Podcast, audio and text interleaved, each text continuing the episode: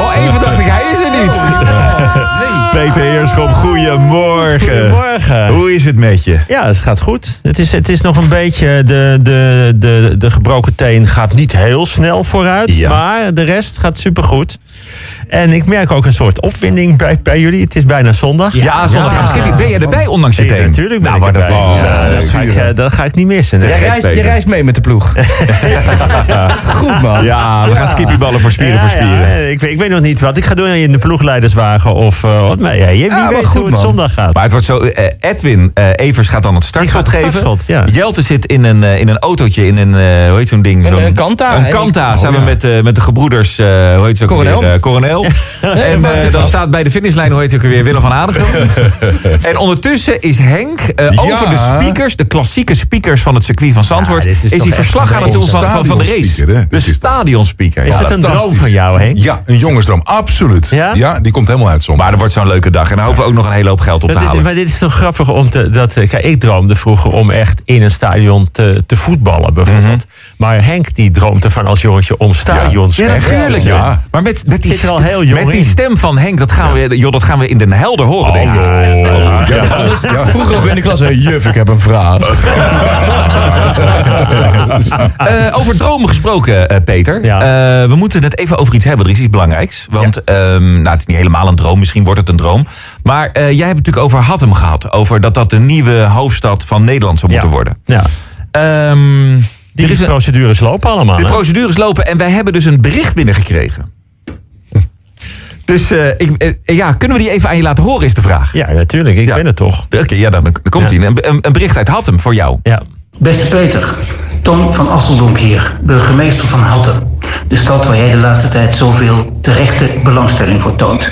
Wat je misschien nog niet weet, is dat we binnenkort een nieuwe burgemeester gaan zoeken. En ik nodig jou graag uit om eens een keer een kopje koffie te komen drinken. Misschien is dat wel iets voor jou. Ik zie je graag in Hattem. Nou, Ze willen je als burgemeester. Ja. ja, maar er zijn meer steden. die- Nee, maar dit is toch hartstikke leuk. Dat is toch echt heel leuk, hè? Ja, Maar waar zie je dat zitten? koffie drinken. Natuurlijk Ga je daar ik koffie drinken? ja.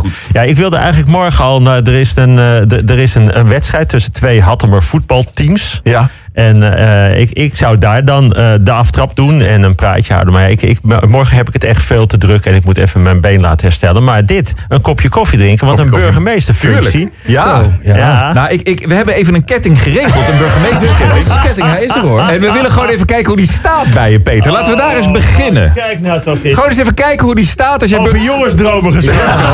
Exact! Ja! Dat staat wel, hè? Je kan hem hebben. Ja, je kan hem hebben, Peter. Zullen we hem doen met ketting om? Ja, ik voel er ook. Ja, ja, zeker. Oh, ik voel me ook echt heel anders nu. Verkleedpartijtje. Wat is echt een ding. Hey, jongens, even stil. Ik ben de burgemeester. Ja, natuurlijk. Ja, sorry. Ja, dankjewel. Ja. Lieve Marianne, lieve Annemiek, lieve Sivan, beste boeren. Maandag 30 september. Er is afgelopen weekend een hoop goud geworden door de Nederlandse sporters. Zo was er goud op de WK wielrennen voor Annemiek van Vleuten. Zij reed ruim 105 kilometer alleen op kop. De jagende achtervolgers kwamen maar niet dichterbij. Dat is een vrijwel onmogelijke prestatie in het wielrennen. Dat moet je een beetje vergelijken met dat je in de kickboxring tegen Rico Verhoeven gaat staan... en 12 ronden keihard om hem heen blijft rennen, zodat hij je niet kan raken. Ik heb dat één keer geprobeerd en ik heb er na drie maanden door een rietje gegeten. Bij de mannen kreeg de grote favoriet Mathieu van der Poel een hongerklop. Of in elk geval vlak voor de finish ging het licht uit en werd er niks van eten meer opgenomen. En ik ken dat gevaar. Vorig jaar ging ik met vrienden een tocht van 260 kilometer fietsen. Nou, zei de zelfbenoemde ploegleider, je moet wel de hele dag eten, anders krijg je een hongerklop. Ik zou je zeggen, ik was nog niet wakker of diezelfde ploegleider had er al twee bananen ingedouwd bij me. En toen had ik mijn mond nog niet open Dat was belangrijk, zei hij. Als je laat gaat eten, wordt het niet meer opgenomen. Dus ik maar eten. Bananen en koeken en krentenbollen en mueslirepen en rijstevlaaien. Ik zat zo vol dat ik niet eens meer aan die fietstocht ben begonnen. Wat ik wil zeggen. Ik snap wel waarvoor Mathieu het probleem zat. Sivan Hassan won goud op de WK Atletiek bij de 10.000 meter. Normaal winnen daar alleen Afrikanen, maar nu dus ook een Nederlandse. Nick de Vries werd wereldkampioen in de Formule 2. En eh, Nederland won het WK Motocross voor landenteams. Kortom, het was een succesvol sportweekend. Maar een vriend van mij heeft niet zoveel met sport. Die stuurde mij een WhatsAppje. Wat jammer voor je dat Marianne Timmer ermee stopt.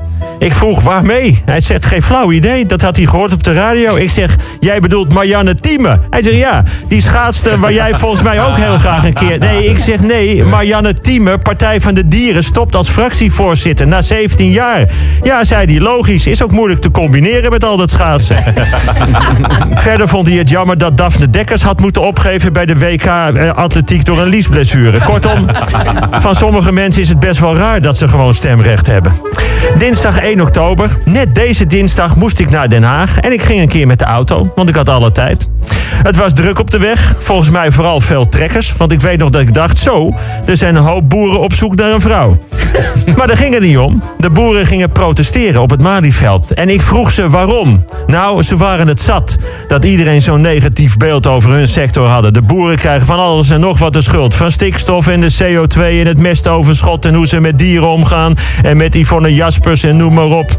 Alsof ze in de Randstad niet allemaal zelf auto rijden... en vliegen en vlees eten. En niet af en toe ook een keer moeten schijten. Ja, ze zijn dan ook nog eens te beroerd om iets meer te betalen... voor biologische groente of een vrolijk vroetend varken. En wat voor landschap hou je over als er geen boeren meer zijn? Dan heb je één groot zoete meer. Wil je dat dan? Kortom, dat is zo'n beetje wat ik ervan heb verstaan. En met het meeste wat ze zeiden, hebben ze wel gelijk. Ja, er moeten dingen veranderen bij de boeren. Maar ik hou van onze boeren. En het heeft verder niks te maken met waar ik voor het eerst ooit seks heb gehad. Voor de duidelijkheid, met een mens. Ja. Woensdag 2 oktober. 1% van de Nederlanders denkt dat de aarde een platte schijf is. De zogenaamde flat earthers. Dat de wereld rond is, is maar een theorie, zeggen ze. Net als de evolutie en de zwaartekracht. Wie zegt dat als je iets laat vallen, dat dat komt door de zwaartekracht? En zeggen ze, als er echt zwaartekracht bestaat... waarom gaat dan bij sommige vrouwen hun borsten niet hangen? Kortom, er is geen gesprek mee te voeren. Anderhalf procent van de Nederlanders denkt ook dat de ware machthebbers op onze planeet hagedisachtige wezens zijn uit een ander sterrenstelsel. En 18% van de mannen denkt dat ze een kans maken bij Duitse Kroes. Nou, ik zou je zeggen, Duitse en ik moeten daar s'avonds in bed altijd enorm om lachen.